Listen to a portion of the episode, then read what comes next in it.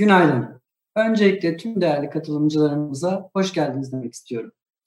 KPMG olarak bu yıl altıncısını hazırladığımız küresel CEO araştırmasının detaylı raporunu sizlerle ilk kez bugün paylaşıyoruz. Ardından Türkiye'nin çok değerli iş liderleriyle birlikte Cüneyt Özdemir moderatörlüğünde sonuçları birlikte değerlendireceğiz. Bu yıl fiziksel ortamda bir arada olamasak da webinarımıza yoğun ilgi gösteren siz değerli konuklarımıza teşekkür ediyoruz. Sektörümüzdeki şirketlerin en önemli görevlerinden birinin dönüşümü anlamak, değişime yön vermek olduğunu düşünüyorum. Özellikle içinde bulunduğumuz ve birçok anlamda dönüm noktası sayılabilecek bu dönemde bu görevin çok daha önemli bir hale geldiğini farkındayız. Yaptığımız her araştırma aslında yarının dünyası ile ilgili bir bilinmeyene ışık tutuyor, gelecek stratejilerinin ilk halkasını oluşturuyor. CEO araştırmalarını bu anlamda ayrı bir yerde değerlendiriyoruz. Bu yılın başında Türkiye'nin de içinde bulunduğu birçok ülkeden 1300 CEO'nun katılımıyla yapılan araştırmanın ardından pandeminin dünya genelinde yayılmaya başlamasıyla birlikte küresel çapta yaşanan değişimleri ve CEO'ların genel düşüncelerinin ve özelliklerinin, önceliklerinin pandeminin de etkisiyle nasıl değiştiğini anlayabilmek için bir devam anketi düzenledik.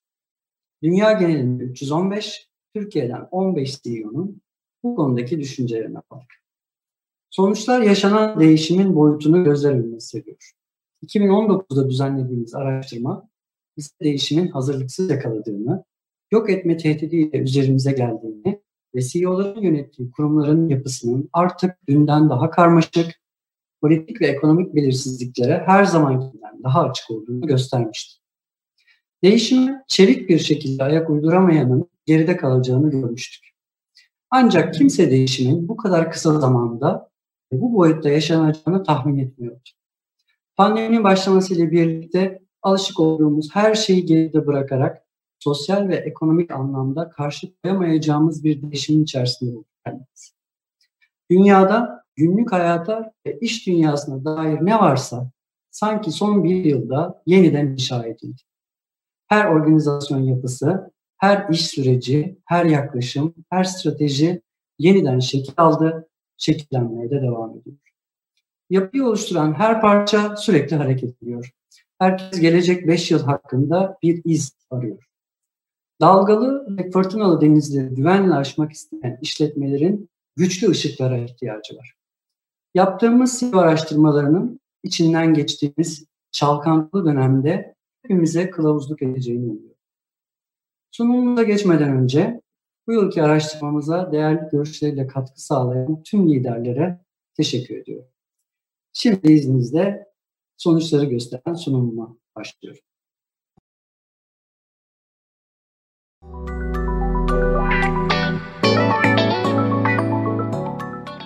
Evet, değerli katılımcılar, KPMG 2020 küresel CEO araştırması COVID-19 e, özel sayısı sonuçlarını e, sizlerle paylaşacağım. E, başlarken Merger Market hepimiz biliyoruz uluslararası kuruluş 2020 yılında KPMG Türkiye'yi Türkiye'de yılın finansal danışmanlık şirketi olarak seçti ve ödüllendirdi. Onlara teşekkür etmek istedim. Efendim 2020 KPMG küresel CEO araştırması Ocak ve Şubat aylarında, Ocak ve Şubat 2020'de dünya genelinde 1300 CEO'nun e, görüşünü alarak e, yapılmıştı. Ancak hemen Mart ve Nisan aylarında tüm dünyayı etkisi altına alan pandemi sebebiyle e, doğrusu bu sonuçları paylaşmak istemedik. Anketi hazırlayan, araştırmayı hazırlayan global ekibimiz Temmuz ve Ağustos 2020 aylarında bir takip anketi yaptı. Böylece COVID-19'un e, COVID-19 öncesi e, değerlendirmelere nasıl değişiklikler yaptığını göstermek istedi. Bu yıl KPMG küresel CEO araştırması COVID-19 özel sayısı hazırlandı ve iki veriye karşılaştırmalı bakma imkanımız oldu. E, bu anlamda da dünya çapında yapılan e, en ciddi ve en büyük araştırma olduğunu da hatta bildiğim kadarıyla tek araştırma olduğunu da söylemek isterim. Sonuçları amaç, başarı ve öncelikler olmak üzere üç başlık altında inceledik. Evet. Amaç başlığı altındaki birinci konumuz yenilenen amaç algısı. Küresel katılımcıların %79'u, Türkiye'deki katılımcıların ise %60'ı paydaşların ihtiyaçlarını daha iyi yönetebilmek için COVID-19 sonrasında amaçlarını yeniden değerlendirmek zorunda kaldılar. Bu amaç algısındaki değişimi e, aşağıdaki verilerle görebiliyoruz. Türkiye'deki CEO'ların %93'ü, küresel CEO'ların %79'u, Covid-19 krizinin başlangıcından bu yana amaçlarına karşı daha güçlü bir duygusal bağ hissettiklerini söylediler. Tüm şirketlerimiz amacımız nedir? Tüm yöneticilerimiz e, varoluş sebebimiz nedir? Bunu tekrar sorguluyorlar. Ve şirketlerinin kuruluş amaçlarına tekrar duygusal bağlarla e, bağlanıyorlar. E, kar odaklı, e, çıkar odaklı işletmelerden insan odaklı, insanlık odaklı işletmelere doğru hızlı bir dönüş yaşıyoruz. E, amaçlarının paydaşlarının ihtiyaçlarını karşılamak için ne yapmaları gerektiğini daha iyi anlamalarına yardımcı olduğunu söyleyen CEO'ların Türkiye'de ve küresel platformda oranı yüzde seksen. Gerçekten çok ciddi bir amaç e, algısı değişikliği yaşamış CEO'larımız. Yine e, amaçlarının COVID-19 ile ilgili kararları hızlı ve etkili şekilde sunmak için net bir çerçeve sunduğunda söylemişler. Amaç başlığındaki ikinci konumuz empatiden aksiyona. Burada çok önemli bir veri var. Küresel CEO'ların %39'u, Türk CEO'ların %40'ı. Genel olarak %40 diyebiliriz. CEO'larımızın %40'ı ya kendileri COVID olmuşlar ya da çok yakın ailelerinde COVID geçiren e, insanlar olmuş. Dolayısıyla ciddi bir empati e, yaşıyorlar e, toplumun geneliyle.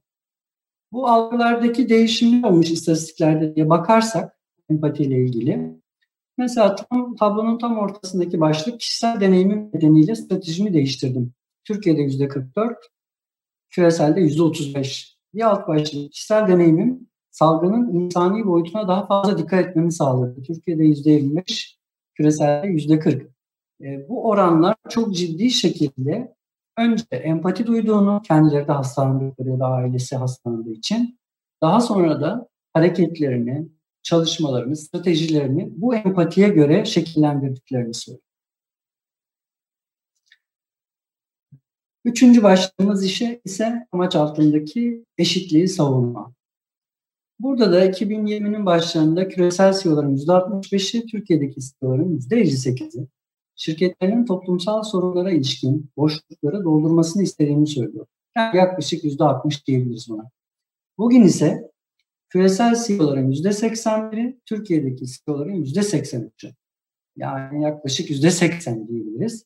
Organizasyonlarının hali hazırda ayrımcılığa ve ırkçılığa karşı yeni önlemler aldığını ve bu önlemleri kamuoyu açıklamayı planladığını söylüyorlar. Eşitliği savunma konusunda %60'lardan %80'lere doğru yükselen bir e, eğilim var.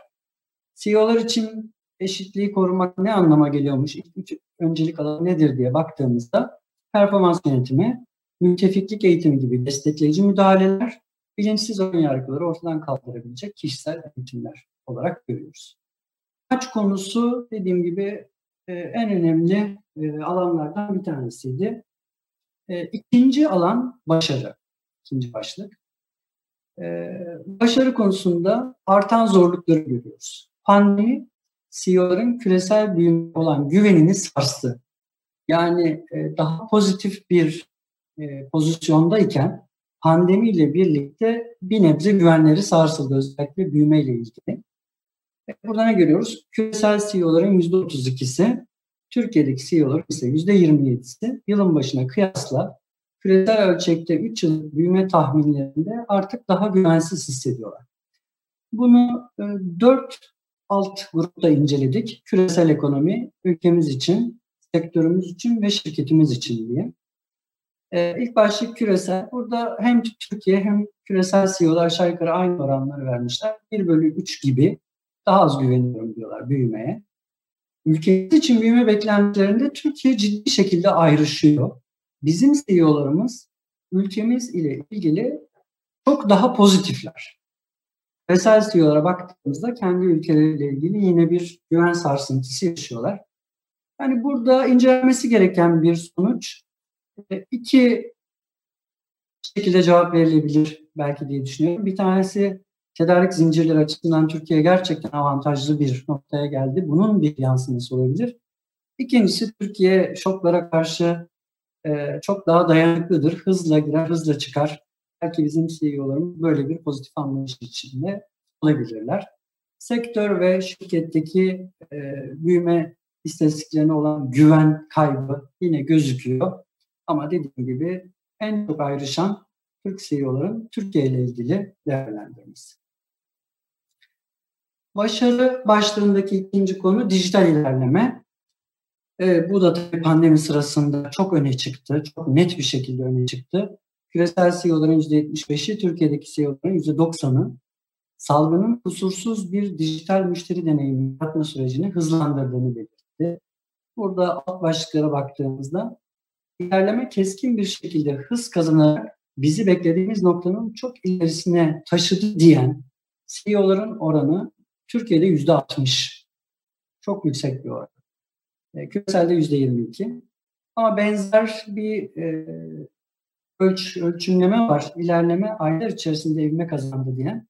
Orada Türkiye yüzde 30, küresel ise yüzde 53. Yani çok büyük oranda dijital ilerleme teyit edilmiştir. Başarının e, diğer başlığı değişen riskler. Yılın başına kıyasla hem Türkiye'de hem küresel ölçekte risk önceliği değişti. Türkiye'de artık büyümenin önündeki ilk üç tehdit, çevre ve iklim değişikliği, yeni gelişen yıkıcı teknoloji, siber güvenlik değil, tedarik zinciri riski, yetenek riski ve ülkeselliğe geri dönüş. Küresel CEO'ların gündeminde ise yetenek riski ilk sırada, bunu tedarik zinciri riski ve ülkeselliğe geri dönüş izliyor. Şimdi aşağıda dört kolon halinde e, değişen riskler tablolarımız var. Birinci kolon Türkiye pandemi sonrası, ikinci kolon Türkiye pandemi öncesi, üçüncü kolon küresel pandemi sonrası, dördüncü kolon küresel pandemi öncesi. Benim çıkarımlarım şöyle, bir kere pandemi öncesinde Türkiye ile küreselin risklerinde benzerlikler var farklılıklar da var. Mesela biz Türkiye'de mevzuat riskini, marka ve itibar riskini ilk beşe sokmuşuz ama küresel ajandada ilk beşte değil bu başlıklar. Oysa pandemi sonrasına baktığımızda ilk beş risk hem Türkiye'de hem de küreselde aynı. Hatta bunların üçünün sıralaması da aynı. Sadece ikisi kendi arasında yer değiştirmiş. Küreselde yetenek riski birinci sırada, tedarik zinciri ikinci sırada. Türkiye'de ise tedarik zinciri birinci sırada, yetenek riski ikinci sırada. Ben bu e, pandemi etkisinin çok net bir şekilde ortaya çıktığını e, gösteriyor diye düşünüyorum. Çünkü e, pandemiyle birlikte gerçekten e, hemen hemen her şeyi pandemi belirlemeye başladı. Her parametreyi. E, dolayısıyla bu benzer risk algısının olmasında normal karşılıyorum. E, buradaki her bir başlık hakikaten ayrı ayrı incelenmeye değer. E, onu da e, birazdan e, panelde e, pandemi sonrası dünyayı konuşurken ülkemizin liderleriyle tartışma imkanı bulacağız diye düşünüyorum. Evet, öncelikler başlığında bir diğer kalemimiz ESG'nin yükselişi, yükselişi. Yani Environment, Social Governance yönetimiyle ilgili konular. Küresel CEO'ların %65'i, Türkiye'deki CEO'ların %67'si iklimle ilgili riskleri yönetmenin önümüzdeki 5 yıl boyunca iş, işlerini sürdürmelerinde önemli bir faktör olacağını söylüyor. E, buradaki oranlar Türkiye'deki e, CEO'lar açısından küresele göre daha yüksek. E, bunu gördüğüme son derece memnunum. Ülkemizdeki bu anlamdaki bilinç seviyesinin daha yüksek olduğunu gösteriyor. Gerçekten artık sürdürülebilirlikle ilgili başlıklar tüm dünyada pratik hayata girmeye başladılar. Ee, artık şirketlerin sadece finansal verileri değil, finansal olmayan verileri de hem yatırımcılar, hem müşteriler, hem finans kuruluşları tarafından takip ediliyor. Artık karbon ayak izi daha az olan şirketler daha düşük faiz oranlarıyla borçlanabiliyor. Daha e, fazla yatırım avantajları, yatırım teşvikleri ya da ihracat teşvikleri alabiliyor. Dolayısıyla bu konu e, bir e, nasıl diyelim pozitif bir duygusal bir konu olmaktan gün geçtikçe daha reel, daha hayatın içinde bir konu olmaya doğru ilerliyor. Bizim de KPMG olarak ajandamızda ilk sırada yer alıyor. Evet, öncelikler başındaki bir başka konu iş yapmanın geleceği. Küresel CEO'ların %77'si, Türkiye'deki CEO'ların ise %67'si kullanmaya başladıkları dijital işbirliği araçlarını kullanmaya devam edeceklerini ve geliştireceklerini söylüyor. Küresel CEO'ların %73'ü, Türkiye'deki CEO'ların %87'si uzaktan çalışmanın mevcut yetenek havuzunu oldukça genişlettiği görüşünde. Küresel CEO'ların %69'u, Türkiye'deki CEO'ların %60'ı önümüzdeki dönemde fiziksel iş alanlarını küçültecekler. Yani burada e, pandemi sırasında kazandığımız çalışma alışkanlıklarının biraz da mecburiyetten iş yapmanın geleceğine dönüştüğünü görüyoruz. Artık uzaktan çalışacağız, dijital araçlar kullanarak çalışacağız. Potansiyel yetenek havuzumuz çok genişledi. Şimdi bu kendi içinde pozitif gibi görünse de hem sizin için yetenek havuzu genişledi hem de rakipleriniz için yetenek havuzu genişledi. Yani hem fırsat hem tehdit gibi. Artık e, çalışanlara daha uygun koşullar sunan ülkeler ve şirketler e, bu avantajlarını daha net bir şekilde öne çıkarabilecekler. Ofisler küçülecek. Bu da hemen hemen hem tüm global e, ve Türk şirketlerinin de yaptığı açıklamalardan gördüğümüz gibi e, ofisler ciddi şekilde üçte bir oranında, yüzde elli oranında küçülüyorlar, küçülecekler. Önceliklerdeki son konumuz müşteri odaklı tedarik zincirleri. Küresel CEO'ların %67'si, Türkiye'deki CEO'ların %80'i küresel tedarik zincirlerini yeniden değerlendirmek zorunda kaldıklarını belirttiler. Buradaki her bir alt başlık bence içinde güzel ve önemli mesajlar taşıyor. Örneğin değişen müşteri ihtiyaçlarına daha çevik yanıt verebilmek Türkiye'de %38, küreselde %32 ile en yüksek not alan e, başlık olmuş. Dünya genelinde bir doğal afet olması durumunda daha dayanıklı olabilmek. Türkiye'de %25, küreselde %22.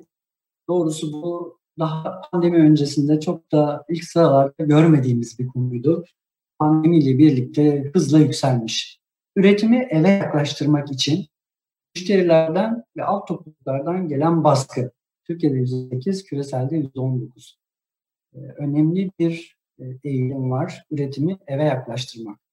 Ee, bu pandemi sırasında emtia ve kişilerin dolaşımına ilişkin gelen kısıtlamalar, e, ana üretim üssünün Çin olması, Çin'in tüketim üslerine e, oldukça uzak olması sebebiyle yaşanan sıkıntılar üretimi eve yaklaştırmayı hakikaten önemli bir konu haline getirmiş. Bunu net görüyoruz.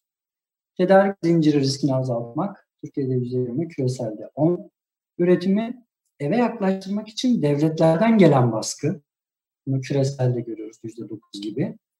Krize yanıt olarak maliyeti azaltmak ve nakit akış, akışı yaratmak. Bu da Türkiye'de 9, %9, küreselde %8 gibi. Ben bu başlığı geçmeden e, şunun altını çizmek istiyorum.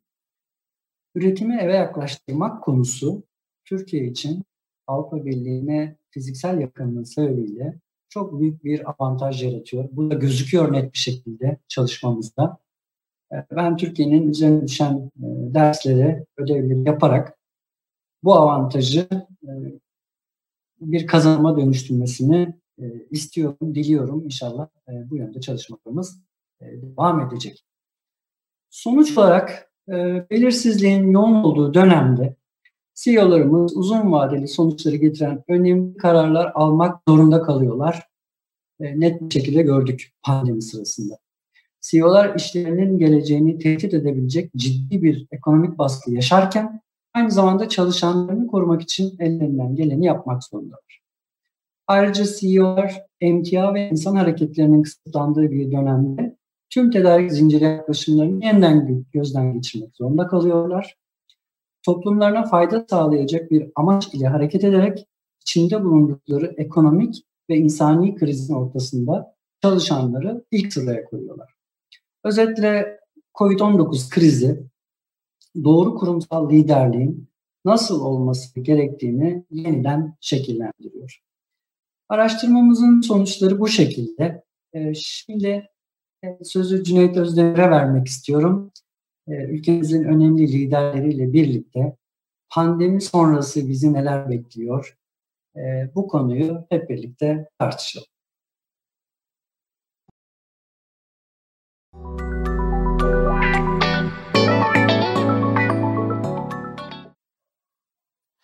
Evet Murat Alsan'ın e, sunumunu hep beraber izledik. Gördüğünüz gibi yeni bir dünyadayız. Yeni bir gerçeklikle karşı karşıyayız. Yeni bir normal var ve yeni iş hayatı da eskisi gibi olmayacak. Yani bu pandemi geçtikten sonra da pek çok kişi ofislerine dönmeyecek ya da dönenler bambaşka standartlarda çalışacak. Şimdi bu konuyu belki de Türkiye'de en iyi bilen isimlerle biraz daha bu anketin üzerine gidelim. Biraz daha anketi detaylandırarak konuşalım istiyorum. Ee, Sayın Murat Alsan, KPMG Türkiye Başkanı biraz önce dinlediniz e, karşımızda. Sayın Canan Özsoy, e, General Electric Türkiye e, YKB ve Genel Müdürü. Hoş geldiniz Canan Hanım. Murat Erkan, Türksel Genel Müdürü ve e, Sayın Recep Baştuğ da Garanti BBVA e, Yönetim Kurulu üyesi ve genel müdürü. Ben e, üç sorum olacak. İlk, ilk olarak e, özellikle anketin sahibi Murat Alsan'dan başlamak istiyorum aslında. Murat Bey biraz önce sizi dinledik. Şimdi pandemi sizin sektörü nasıl değiştirdi? Teknolojik değişim, uzaktan çalışma, e, sağlık önlemleri, e, bütün bu değişimi siz nasıl yaşadınız, nasıl tecrübe ettiniz? Valla Cüneyt Bey e, az önce sunduğum araştırmadaki hemen hemen tüm bulguları e, kendi şirketimizde de yaşadık. Öncelikle e, birinci sıraya teknolojinin yoğun kullanımını e, tekrar yerleştirmek isterim. Biz de KPMG olarak tüm iletişimimizi, tüm çalışmalarımızı e, dijital ortama getirdik. E, KPMG Global 2019'dan bu yana teknolojiye 5 milyar dolarlık büyük bir yatırım yapmıştı Cüneyt Bey. Bunun da çok doğru bir karar olduğunu gördük. Çünkü e, bir günlük bir testle tüm çalışmalarımızı dijital ortama e, geçirme şansını yakaladık. Bir başka konu uzaktan çalışma. O da yine çalışanlarımızın sağlığı bir numaralı öncelik olduğu için hemen ve tamamen e, uzaktan çalışmaya geçtik. Müşterilerimizin de tabii anlayışıyla hemen hemen tüm çalışmalarımızı uzaktan çalışmaya yönlendirdik. Araştırmamızda öne çıkan 5 risk, bir tekrar hatırlatmak isterim onları. Yetenek riski, tedarik zinciri riski, ülkeselleşmenin artması, e, siber güvenlik ile ilgili riskler. E, bu açıdan bizim de e, KPMG olarak hizmetlerimizi yoğunlaştırdığımız alanlar oldu. Müşterilerimiz bu risklerle karşılaştıkları, karşılaştıkları için biz de çalışmalarımızı daha çok bu alana yönelttik. Örneğin e, siber güvenlik alanında e, Türkiye'nin en iyi siber güvenlik şirketlerinden biri olan Produft'la işbirliği yaptık. E, Product ve KPMG siber güvenlik hizmetlerini birlikte vermeye başladılar. Yine tedarik zinciri konusu riskleri çok öne çıktığı için KPMG'nin strateji ve operasyonlar ekipleri müşterilerimize bu yeni dünya düzeninde e, tedarik zincirlerine nasıl çözüm üretecekleri e, konusunu sundular. E, diğer taraftan e, yetenek riski konusunda People and Change ekiplerimiz e, yepyeni çözümlerle müşterilere gittiler. Sürdürülebilirlik konusu da beşinci konu, iklim ve çevre riskleri. Orada da e, KPMG Türkiye'yi 2020'de karbon nötr yaptık. E, bu da e, pandemi öncesi yaptığımız güzel çalışmalardan bir tanesi oldu. E, demek isterim ki KPMG Türkiye çalışmaları e, anket sonuçlarıyla oldukça paralel yaşadığımız riskler ve e, geliştirdiğimiz çözümler. Murat Bey çok teşekkür ederim. İsterseniz Sayın Canan Özsoy'la devam edelim. Canan Hanım sizi nasıl etkiledi bütün bu süreç, pandemi süreci? Son bir yıldır neler yaşadınız, neler e, yaşıyorsunuz acaba? Teşekkür ederim Cüneyt Bey. Ee, önce ben e, değerli Murat Alsan ve ekibine teşekkür ederek başlamak istiyorum. Son derece detaylı, faydalı bir çalışma. Biz de bu çalışmayı ankete dolduran şirketlerden bir tanesiyiz. Evet, pandemi sektörleri nasıl değiştirdi? Bildiğiniz gibi Genel Elektrik pek çok alanda faaliyet gösteren bir şirket. Sağlıkta, havacılıkta, enerjinin her alanında ve ülkemizde çok yaygın bir e, varlığımız var. Mühendislik, ARGE merkezlerimiz var, fabrikalarımız var ve tabii ki de ofis çalışanlarımız var. Biz çevresel şartlar ne kadar değişirse değişsin, kriz planlarımızı her zaman güncel tutmaya çalışan bir şirketiz. ESG konusu bizim için e, şirket DNA'mızın ayrılmaz bir parçası. Her çeyrekte ulusal kriz yönetimi ekibimizle değişik senaryoları, işimizi, müşterimizi, çalışanlarımızı etkileyebilecek değişik kriz senaryolarını e, çalışırız. E, tahmin edebileceğiniz gibi pandemi bu senaryolardan biri değildi. Ama güçlü ESG kasımız bizi hemen devreye girmeye, gerekli önlemleri almaya ve çalışmalarımızı sürdürmeye itti. Ofis çalışanlarımız için güçlü dijital altyapımızla hemen evden çalışmaya geçebildik ofislerimize gelmek zorunda olanlar için maske, mesafe, temizlik ve ötesinde pek çok önlem geliştirdik. E, fabrikalarımızda da e, azaltılmış vardiyalar ve dikkatli bir e, temizlik yönetimiyle, hijyen yönetimiyle e, çalışmalarımızı kesintisiz sürdürdük, sürdürmek zorundaydık. Mühendislik merkezimizde ise e, Sanayi Teknoloji Bakanlığı bize çok yardımcı oldu orada e, belli bir bölgede çalışma karşılığı aldığımız teşviklerin evden çalışmada da devam etmesine yardımcı oldular. Böylece mühendislerimiz de ARGE faaliyetlerini kesintisiz evlerinden sürdürebildiler. Şimdi bizim için ilk önemli olan çalışanlarımızın sağlığıydı. Ondan sonra müşterilerimizin e, işinin devamlılığıydı. Bugün Türkiye'nin elektrik kurulu gücünün yüzde otuzdan fazlası genel elektrik teknolojileriyle elektrik üretiyor. Bu sahalarda bakım çalışmalarının devam etmesi çok önemliydi. Sahalara giden arkadaşlarımızı çeşitli yöntemlerle koruduk ve işlerini sürdürdüler. Sağlık tabii 60 binden fazla kurulu e, cihazımız var bizim Türkiye'nin özel ve kamu sektöründeki hastanelerinde. Buralarda hele pandemi döneminde mühendis arkadaşlarımızın çok yoğun hizmet vermesi gerekti. Onları da kişisel koruyucu ekipman, hiç durmadan eğitim ve kurallara uymalarıyla koruduk. Ee, hastalanan arkadaşlarımız oldu ama bu süreci güzel atlattılar. Büyük bir şans, hiç kimseyi kaybetmeden bugüne kadar geldik. Şimdi bütün bu önlemlere devam ediyoruz aşılamanın yaygınlaşmasını bekliyoruz. Ama bütün bunların yanında bu kadar uzun zaman böyle yoğun bir riske maruz kalarak çalışan arkadaşlarımıza psikolojik desteği de çok önemsiyoruz. Ee, uzaktan çalışma hayatımıza kalıcı olarak girdi. Bugün gerçekleştirdiğimiz bu güzel panel gibi pek çok konferansı, pek çok konuşmayı evimizden yapabildik. Ee, bakanlıklarla Sayın Cumhurbaşkanı Yardımcımız Fuat Oktay'la bile konuşmalarımızı, görüşmelerimizi online platformlar üzerinden yaptık. Gördük ki müşterilerimizin de dijital servis teknolojilerine ilgisi bu dönemde arttı.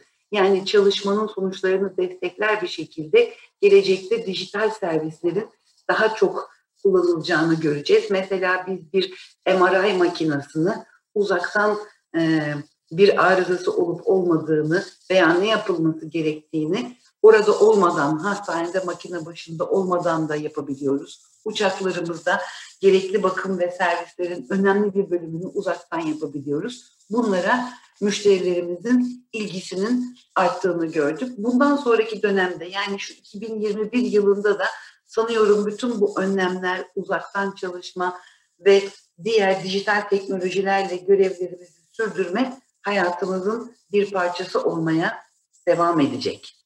Teşekkür ederim. Canan Hanım çok teşekkür ederim. İsterseniz Sayın Murat Erkan'la devam edelim. Ee, bu dönem e, birçok kişi için büyük bir krizdi.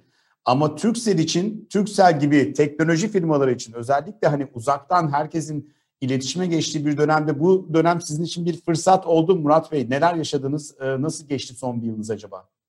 Evet, 2020 yılı enteresan bir yıldı. Özellikle pandeminin etkisiyle hepimiz için zor ve farklı deneyimleri yaşadığımız bir yıl oldu. Hızlı ve kesintisiz internete en çok ihtiyacın duyulduğu bir dönemi yaşadık. Bu süreçte bir yandan gelecekte belki de 5-10 yıl sonra hayatımıza girecek olan teknolojileri daha erkene çekmek durumunda kaldık. Ortaya çıkan tablo yaşadıklarımıza baktığımız zaman e, telekom sektörünün ne kadar hayati derecede önemli olduğu, iletişimin ne kadar değerli olduğunu bir kere daha gördük. E, dünyada dijital dönüşümler çok çok hızlandı. Bizim tabii gerek mobilde gerek sabit tarafta e, hız ve kapasite ihtiyacı e, günden güne daha da çok arttı. Burada bizim yüzde 80-85'lere varan e, kapasite talepleri ile karşı karşıya kaldık. Özellikle sabit altyapıda çünkü insanlar evine gittikçe daha da fazla bir de e, kullanım alışkanlıkları ve saatleri de değişti. E, bütün bunlara cevap vermek e, çok da kritikti ve müşterilerimizin bu noktadaki ihtiyaçlarını kesintisiz bir şekilde karşılamayı başardığımızı düşünüyoruz. Geliştirdiğimiz ürün ve servisler de bu hayatın daha kolay, daha hızlı, e, daha kaliteli erişime ulaşmasını sağladı. Şimdi Türksel olarak Türkiye'de görülen ilk Covid vakasının ardından e, evden çalışma modeline hızla geçtik.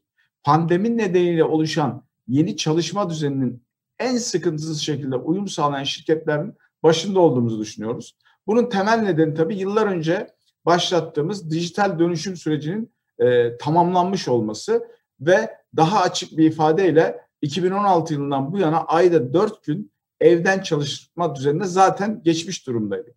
Çalışanlarımız ofistasyon uygulamamız sayesinde istedikleri plazadan istedikleri şekilde çalışmalarını yürütebiliyordu. Tüm bölümlerimizdeki verilerin dijital veri ekranları sayesinde anlık olarak izle, izleyebiliyoruz, e, izlemeye de devam ediyoruz.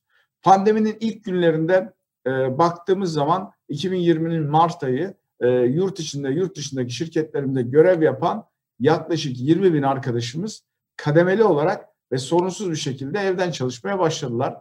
E, merkezi birimdeki 6 bine yakın arkadaşımızın yanı sıra 10 binden fazla çağrı merkezi çalışanımız da kendilerine gerekli donanım ve internet altyapısını sağlayarak evlerinden müşterilerimize hizmet sunma imkanını e, kavuştular. Tüm bunların yanı sıra e, AVM'lerde 170'ten fazla mağazamız pandemi e, sebebiyle e, kapattık. Arkadaşlarımızın mesailerini, sahadaki arkadaşlarımızın mesailerini 12-18 arasında olacak şekilde e, kısalttık. Ayrıca bu zorlu koşullarda büyük özveride bulunan çalışanlarımızla online platformlarla sürekli iletişim halinde olduk. Onları dinledik. Fiziksel ve psikolojik açıdan her ihtiyacını da yanlarında olmaya çalıştık. Bununla da yetinmeyip veteriner desteğinden çiçek bakımına, mutfak oteliyelerinden kişisel gelişim programlarına kadar da geniş bir yelpazede e, destek hizmetleri sunduk. Bu dönemde ben ve genel müdür yardımcısı arkadaşlarımız Türkcell'li çalışma arkadaşlarımızla dijital ortamda sık sık bir araya geldik. Çünkü şirket genelinde moral ve motivasyon da her zamandan çok çok daha önemli hale geldi. Bunu yüksek tutmak da e, üst yönetimlerin e, temel misyonlarından birisiydi. O yüzden bunları da sağlamaya çalıştık. Murat Bey çok çok teşekkür ederim. Hemen e, Sayın Recep Baştuğ'a geçelim. Recep Bey bankacılık sektörü özellikle siz nasıl etkilendiniz? Son bir yılınızda hangi tedbirleri aldınız? E, sizin için de bir fırsat mı oldu bu kriz yoksa gerçekten krizi e, kriz olarak mı yaşadınız? E, Cüneyt Bey teşekkür ediyorum. E, öncelikle biz ne yaptık? Bir kere e, diğer şirketlerin dışında biz şöyle bir gerçekle e, karşılaştık. Bankacılık sektörü aslında sandığımızın ötesinde sosyal boyut olan bir sektör oldu ve biz şubeleri açmak ve insanlara fiziksel olarak hizmet vermek durumunda kaldık. O yüzden başlarken ben bankacılık sektöründe sahada yani şubelerde insanlara hizmet veren arkadaşlarımızın çok ciddi risk altında e, bu hizmeti verdiğini, ülke için ne kadar önemli e, bir e, hizmet noktası olduğunu herkese gösterdiler. Ve bunun için onlara bir teşekkürü borç biliyorum sektör adına konuşacak olursam. Biz ne yaptık, nasıl karşıladık? Bir kere bizim Garanti BBVA olarak maalesef diyeceğim bir avantajımız vardı. O da İspanya gibi e, bizim ana sermayelerimizin olduğu ülkede COVID'in e, her yerden daha evvel kendini göstermesi. Dolayısıyla biz onların tecrübelerini birebir burada kopya ettik. Çünkü onlardan yaklaşık 2-3 hafta geriden geliyorduk. Onlar ne yaşadıysa aynı şeyleri hemen hemen 3 hafta sonra biz de yaşadık. O yüzden biz bu 2 hafta gibi bir sürede biz tamamen dijital olduk diyebilirim. Şimdi burada e, hem Canan Hanım'ın e, da altını çizdiği diğer bir konu şirketler nasıl dijitalleşti? Evet bizim de bir dijitalleşme sürecimiz var. Biz de o konuda şanslıyız ama bence bu süreç bizlerin dijitalleşmesinden ziyade müşteriyi, halkımızı dijitalleştirdi. Bizler zaten hazırdık. Bazıları daha hazır, bazıları daha az hazır. Ama müşteriler dijitalleşti. Onu şöyle söyleyeyim size. Dijital işlem adedi, dijitalden yapılan işlem adedi yıllar itibariyle %20-25 gelişirken 2019-2020 ortalamalarına baktığımızda biz iki katından fazla artmış. Dolayısıyla ciddi şekilde bir ülkede dijitalleşme oldu. Bu dönüşüm tabii bize ekonomik olarak çok ciddi katkılar sağlayacak. Ee, daha fazla bankacılık penetre olacak, daha fazla noktalara ulaşacağız. Ee, ama bu süreci nasıl yönetiyoruz? Biz de şu an diğer şirketlerde olduğu gibi genel müdürlük ofislerimizde yüzde dokuzla çalışıyoruz. Yüzde seksen bir arkadaşımız şu an home office, evden çalışıyor. Şubelerimiz yüzde yetmiş seksen e, oranında insanlar hizmet veriyor. E, bu yeni çalışma ortamına biz de çok süratle kendimizi adapte ettik. E, dediğim gibi yatırımlar, altyapı bunun hepsini destekledi fakat ondan daha önemlisi müşteri dijitalleşti. Bizim bu süreçte gördüğümüz en büyük etken budur. Bunun rakamlarımıza katkısı oldu. Fakat biz pandemiyi yönetirken Türkiye'nin kendi içinde bulunduğu koşullarla da mücadele ettik. Ama her şeye rağmen bu zor senede Türkiye ülke olarak da çok iyi bir sınav verdi. Biz de bence o sınavdan başarıyla çıktığımızı düşünüyorum. Çok teşekkür ederim. Ee, hızla üç bütün CEO'lar, CEO'larımıza, genel müdürlerimize aynı soruyu sormak istiyorum. 2021 ve 2022 için sizce en önemli üç risk ne olacak? Çünkü görünen o ki aşılar olsa da daha birkaç yıl daha biz e, pandemiyle yaşamak zorundayız. Bütün dünyanın olduğu gibi. Üç büyük risk olarak ne düşünüyorsunuz? İlk olarak Sayın Murat Adan'a sorayım. Al sana sorayım. Evet, e, önemli risklerden bahsettik. 2021'den 2022'ye doğru e, bu risklerden bazılarının ben öne çıkacağını düşünüyorum. E, ve birinci sıraya e, siber güvenlik konusunu koymak istiyorum. Çünkü kendi ekiplerimizle e, takip ediyoruz. Siber saldırılar hem uluslararası boyutta hem e, Türkiye içinde yoğunlaştı. Tüm iş hayatının, tüm günlük hayatın, e, neredeyse tüm alışverişin e, dijital ortama geçmesi e, bu alandaki korsanlar için de e, bir fırsat teşkil ediyor şu anda. Bunu gözlemleyebiliyoruz. Ve bu eğilimin artacağını da düşünüyoruz. 2021-2022'de e, önemli bir ajandanın e, siber güvenlik olacağını ve bu tarafta çalışmalarımıza yoğunluk vermemiz gerektiğini düşünüyoruz. Bizim birinci algımız bu.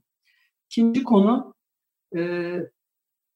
yetenek riski e, Türkiye'de ve dünyada ön sıralarda çıkmıştı. Büyüyerek devam edeceğini düşünüyoruz. Türkiye'de genç ve eğitimli bir nüfus var. Ve bu nüfusun hem Türkiye içinde iş değiştirmesinin hem de Türkiye'den ama yurt dışına hizmet verecek şekilde bir açılım yapabileceğini düşünüyoruz. E, bu yüzden de e, yetenek riski konusunun 2022'de yine Türkiye'nin ajandasında olacağını düşünüyoruz. Ee, bir başka risk, üçüncü risk de sürdürülebilirlik konusu. Ee, sürdürülebilirlik konusu pandemiyle birlikte çok e, öne çıktı. Artık sadece finansal sonuçlar değil, şirketlerin finansal olmayan sonuçlarının, parametrelerinin de ne kadar önemli olduğu anlaşıldı. Ee, bu açıdan e, artık şirketler değerlendirilirken mali tablolarının yanına e, insan kaynakları, e, ayrımcılıkla mücadele, e, diğer e, finansal olmayan parametreler, iklimle ilgili, çevreyle ilgili yaptıkları çalışmalar, bunların da yatırımcılar ve kamuoyu tarafından daha yakından takip edileceğini düşünüyoruz. Dolayısıyla sürdürülebilirlik riski de önemli bir risk olacak diye düşünüyoruz. Canan Hanım aynı soruyu size de sormak istiyorum. Ee, siz bu pandemi sürecinde üç risk olarak ne görüyorsunuz önümüzdeki günlerde? Şimdi birincisi aşılama.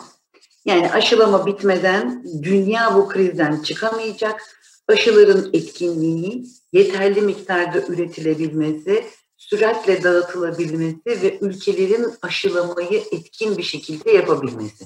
Biz elde ettiğimiz aşıyı çok düzgün bir şekilde ve çok çabuk halkımıza ulaştırabiliyoruz. İyi bir başlangıç yaptık ama biliyoruz ki biz 130 milyon doza ulaşmamız lazım. Başka ülkelerde başka ölçekte. Şimdi iyi olan şey yeni aşılar geliyor, güzel sonuçlar var. Kötü olan şey e, virüs değişiyor, mutasyona uğruyor. Yani aşılama etrafındaki riski çok yakın takip ediyoruz ve bir an önce tüm çalışma arkadaşlarımızı e, aşıyla buluşturmaya gayret ediyoruz. Bu aşılamadan sonra en önemli ikinci risk bütün dünyada iş kaybı oldu, iş gücü kaybı oldu. E, pek çok firma e, üretimini yeteri kadar yapamadı vesaire vesaire ekonomide bir kırılganlık var. Ne zaman ekonomi toparlanacak? Bizim iş yapmamız için birilerinin yatırım yapması lazım, birilerinin uçak satın alması lazım, birilerinin yeni santral yatırımı yapması lazım, birilerinin yeni hastane açması lazım. Dolayısıyla ekonominin sadece ülkemizde değil, dünyada da tekrar rayına oturması çok yakın takip ettiğimiz ve risk gördüğümüz bir bir durum. Sadece büyük şirketlerin ve ülkelerin ekonomisi değil, burada en büyük zararı gören KOBİ'lerin ki bunlar bizim tedarikçilerimiz, e, beraber iş yaptığımız bütün dünyada pek çok KOBİ var. Onların bu dönemden çıkabilmesi, yüzebilmesi son derece önemli. Bakalım dünya içinde bulunduğu ekonomik güçlük ve daralmadan rebound etkisi dediğimiz, U dönüşü dediğimiz çabuk bir dönüşü yapabilecek mi? Yoksa fragmente olarak bu ekonomik e, darboğaz bir küresel ekonomik krize, durgunluğa dönecek mi? Üçüncü önemli konu ticaret. E, dünyada pandemi öncesinde de ticaret savaşlarının e, ufak ufak sinyallerini görüyorduk. Buna göre pozisyon almaya çalışıyorduk küresel iş yapan bir şirket olarak. Ama bu dönemde gerçekten ticaretin e, engellendiği, zora girdiği, serbest mal akışının e, zorlaştığı, yokluklardan dolayı, üretimin sekteye uğramasından dolayı bir takım ham maddelerin aşırı pahalandığı, bulunmadığı bir dönemdeyiz. Dünya ticaretinin e, hızla onshoring ve nearshoring'e döndüğünü görüyoruz. Bunun fiyatları etkilediğini görüyoruz. Bu ticaret dengesinin yeniden kurulması nasıl olacak? Yeni ticaret dengesi nerelerde oluşacak? Eskiye mi döneceğiz? Tamamen başka bir kurgu mu yapacağız? Bunu görmemiz lazım. Siz üç risk dediniz ama ben bir dördüncü eklemek istiyorum. O da iklim değişikliği. Gerçekten dünyanın en önemli problemi pandemiden sonra iklim değişikliği. Biliyorsunuz Paris Anlaşması'yla pek çok dünya ülkesi karbon emisyonlarını azaltmak için belli bir e, protokol imzalamışlardı. Bu geçtiğimiz yılki toplantı yapılamadı. Bu sene Ekim ayında Glasgow'da yeniden toplanılacak. Avrupa topluluğu hızla yeşil mutabakatı uygulamaya koymaya gayret ediyor. Bunun yükümlülükleri arasında bir e, sınırlarda karbon vergilendirilmesi var. Biz henüz Türkiye olarak gerekli adımları atmadık. Yeni yeni başladık. Ne kadar hazırız burada kendi rolümüzü oynamaya? Bir karbon saklama ve e, kurtarma piyasası oluşacak mı? Ne olacak? Bunları çok yakından takip ediyoruz ve e, karbon emisyonları sınır vergisi başta olmak üzere ülkelerin ve şirketlerin bu duruma hazırlıksız yakalanma riskini de önemsiyoruz. Çok teşekkür ederim. Sayın Murat Erkan'a da aynı soruyu sormak istiyorum. Murat Bey sizce üç risk ne önümüzdeki pandemi yıllarında? Ee, ben açıkçası burada birinci sıraya dijitalleşmeyi koyuyorum. Bugüne kadar alışa geldiğimiz her şey yeniye doğru evriliyor. Bunun temelinde de dijitalleşme var. Dünya genelinde hızla yayılan alışkanlıklar, yönelişler bu süreci hızlandırıyor. Pandemi de zaten bunun en önemli faktörlerinden birisi olarak kendini e, ortaya koydu. Dijitalleşmeyen şirketler müşterilerine hizmet veremedi, faaliyetlerini sürdüremedi. Bu nedenle dijital dönüşümünü tamamlayan şirketlerin önümüzdeki dönemde zor günler e, yaşama ihtimalini tamamlamayan şirketlerin e, zor günler yaşama ihtimalini yüksek görüyorum ve e, bu artık opsiyonel olmaktan çıktı. Hayatın bir gerçeği bu konuda yatırım yapmayanın e, burada e, piyasada var olacağını düşünmüyorum. E, bunun dışında tüm dünyanın da son dönemde gündeminde olan veri güvenliği e, şirketler için ciddi risk oluşturuyor diye, diyebilirim. Hatta ülkeler için de risk oluşturuyor. Bu konu bizim uzun yıllardır gündemimizde. Bugün dünyada veri, petrol ya da altın kadar değerli bir varlık haline geldi. Dünyanın geleceğine yön veren bir araç oldu. Gelişmiş ülkelerin tamamı bugün ulusal verilerine sahip çıkmanın ne kadar önemli olduğunu farkında. Günümüzde verilere sahip çıkmak e, ulusal egemenlik ve güvenlik meselesi haline geldi. Yabancı şirketlerin Türkiye'nin ulusal verilerini kontrolsüz şekilde diledikleri gibi kullanmaları da bunlardan kazanç sağlamaları, buna karşı vergi ödememeleri ulusal çıkarlarımızı e, açıkçası zor duruma soktuğunu düşünüyorum. E, milletimizin verilerini gizliliği, onların haklarını korumak için de ne gerekiyorsa yapmak gerektiğini düşünüyorum. Bu konuda da e, Türksel olarak yıllardır Türkiye'nin verisi Türkiye'de kalmalı diyoruz. Bu prensiple hareket ediyoruz ve Türkiye'de açtığımız dünya standartlarındaki veri merkezlerine de 2 milyarların üzerinde yatırım yaptık. E, bu konuda da önemli bir işletmeciyiz Türkiye'de. Üçüncü sıraya baktığımızda da en büyük risklerden birisini Murat Bey de söyledi. Kesinlikle siber güvenlik alanında. Bu dönemde sağlığımız için kişisel hijyenimize dikkat ettiğimiz gibi bilgi güvenliğimiz için de siber hijyene dikkat etmenin çok önemli olduğunu düşünüyorum. Şirketlerin evden çalışma düzenine geçmesi, verisini uzaktan erişim sağlayarak yönetmesi siber suçlular için ciddi bir fırsat yaratıyor. E, Türksel olarak da binden fazla kurumsal müşterimize yerli ve milli siber güvenlik hizmeti sunarak onların yanında olmaya çalışıyoruz. Altyapıları da 7-24 izleyerek olası tehditlere karşı e, önceden önlemler almaya çalışıyoruz. E, yeni dönemde şirketlerin mutlaka ama mutlaka güvenlik erişim yöntemlerini, politikalarını elden geçirmesi, siber olaylara müdahale planlarını hazırlamaları ve tatbikatlar yapmalarında e, çok kritik olduğunu düşünüyorum. Murat Bey teşekkürler. Recep Bey sanırım bu siber güvenlik meselesi sizi de yakından ilgilendiriyor. Siz de endişe duyuyor musunuz e, diğer katılımcılar gibi? Önümüzdeki birkaç yıldaki en büyük üç endişeniz nedir acaba? Ee, siber güvenlikle başlayayım. Yani e, gayet net özetledi Murat Beyler. E, çok net. E, Türkiye'nin şu an en büyük e, dijital altyapısına ya da dijital müşterisine sahip e, kurum olarak bu konu bizim de ciddi endişe alanlarımızdan birisi. E, zaman zaman bu konuyla alakalı e, belli süreçlerden geçiyoruz. Onu da sağ olsun Türksel, e, Türk Telekom'la birlikte gayet başarıyla götürdük şu ana kadar ve bu konu bizim için de evet bir risk faktörüdür. E, benim buna ekleyeceğim şeyler neler? Birincisi normalleşme ama ben birlikte normalleşme diyeceğim buna. Çünkü bireysel olarak ya da herhangi bir ülkenin tek başına normalleşmesi diye bir konu yok artık. Avrupa'nın normalleşmediği bir yerde biz kendimizi normal sayamayız. Çünkü ekonomik olarak o kadar iç içe geçmiş, entegre olmuş durumdayız. O yüzden aşılamanın değil Türkiye, bütün dünyada makul bir hale geldiği yerdir e, normalleşme. E, o normalleşmenin yani birlikte normalleşmenin gecikmesi bence e, risk faktörlerinin başında olanlarından birisidir. İkincisi ekonomik olarak bir risk faktörü var ki o da Covid'le mücadelede bütün bütün dünyada çok ciddi bir parasal genişleme oldu. Bu da o ülkelerin üzerinde ciddi bir enflasyonist baskı yaratacak. Bu az gelişmiş ülkelere e, para akışını, kaynak akışını biraz sınırlayacak gibi geliyor. Dolayısıyla böyle bir risk var. Üçüncü risk e, bence sosyal risk. Şu an salgın halinde uzaktan çalışma modeli var. Bizler de buna girdik, katılıyoruz. Ama eğitim olarak, bizler altyapı olarak buna ne kadar hazırız? Bu sosyal dönüşüme toplum ne kadar hazır? Bizim arkadaşlarımız, bizler ne kadar hazırız? E, bence ileriki dönemde bu e, işin e, pozitif yönlerinin çok büyük getirilerinin olacağı belli ama negatif yönlerinin geleceğini ve bunlarla da mücadeleye şimdiden yatırım yapmamız gerektiğini unutmamamız lazım. İnsanların aidiyet duyguları, sosyalleşmeleri, iletişim, iş yeri eğitimi gibi belli ana başlıklarda riskleri de içeriyor. Ee, ben bu trendin, dijitalleşmenin artılarıyla beraber eksilerinin de e, göz ardı edilmemesi gerektiğini e, altını çizmek istiyorum.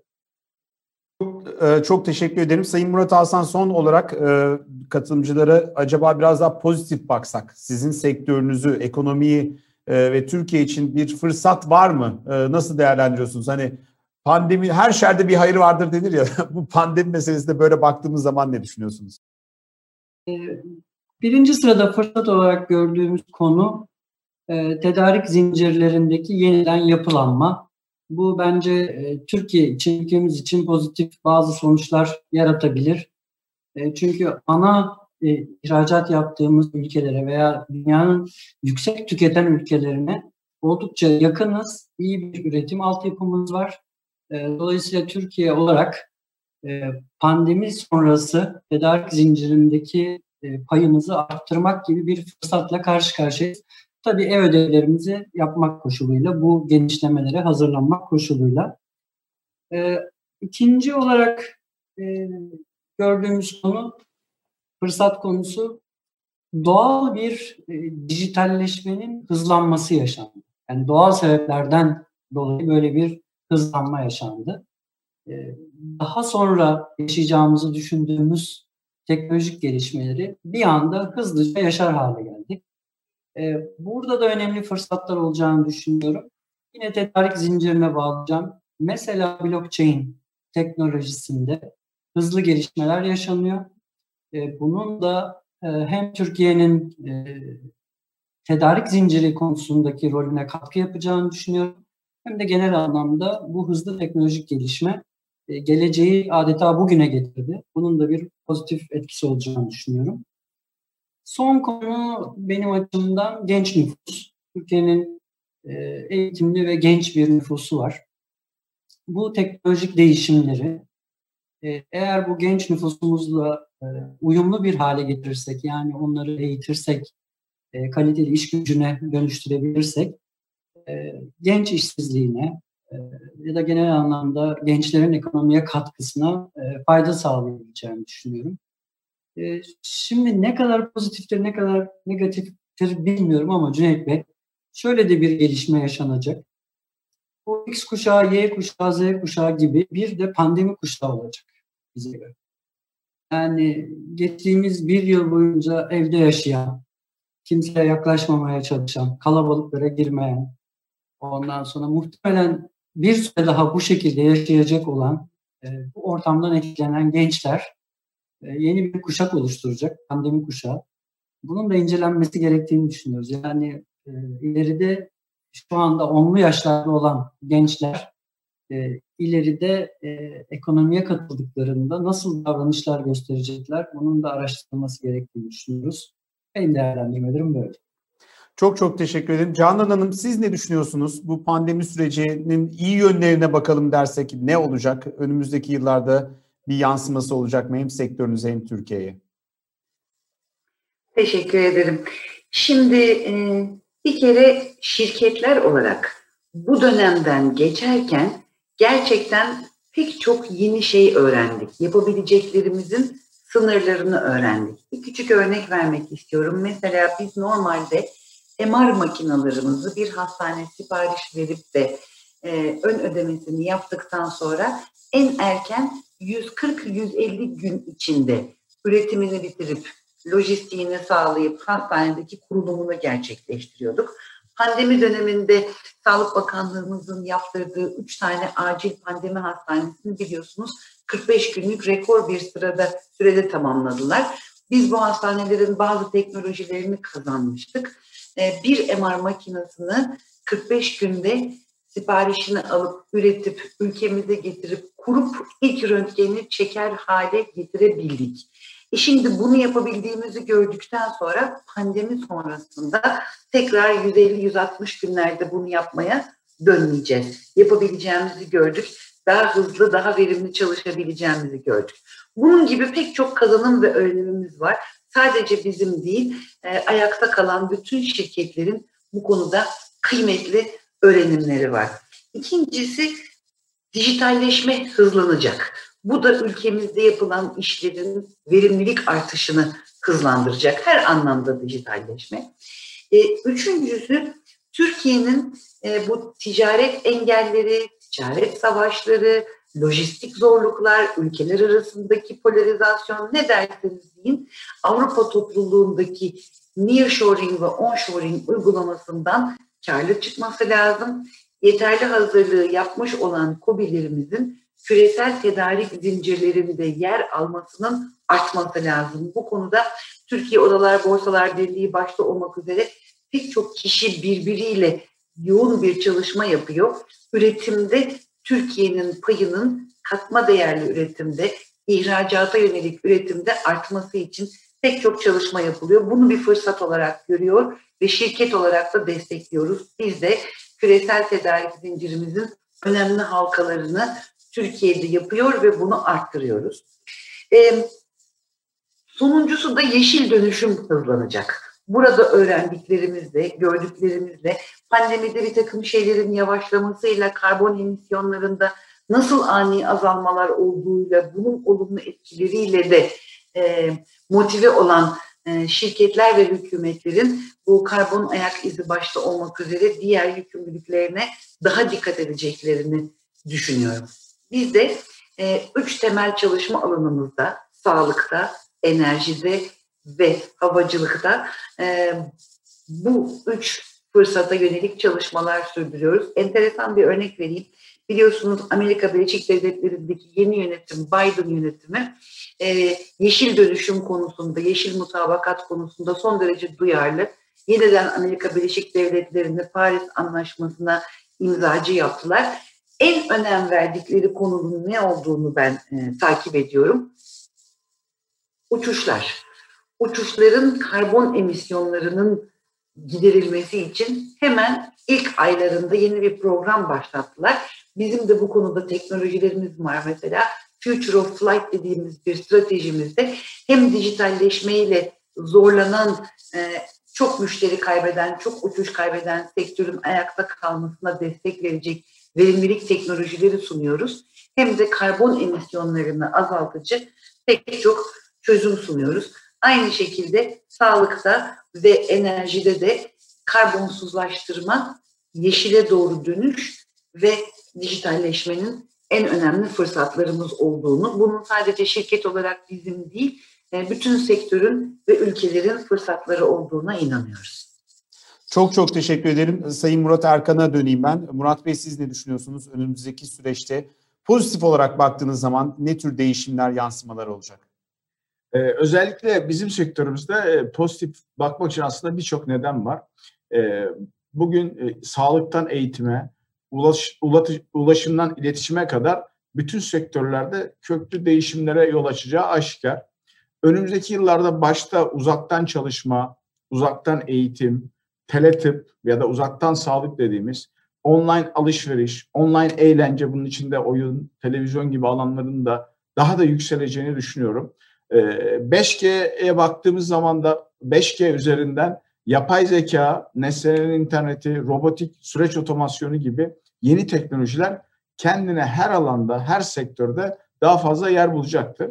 Ee, bu değişimin yıllar içinde değil de çok kısa birkaç yıl içinde de yaşanacağına e, hiç kuşkum yok. Teknolojinin doğru kullanımı e, kadar verilerin işlenmesi gibi kavramlar da öne çıkacak.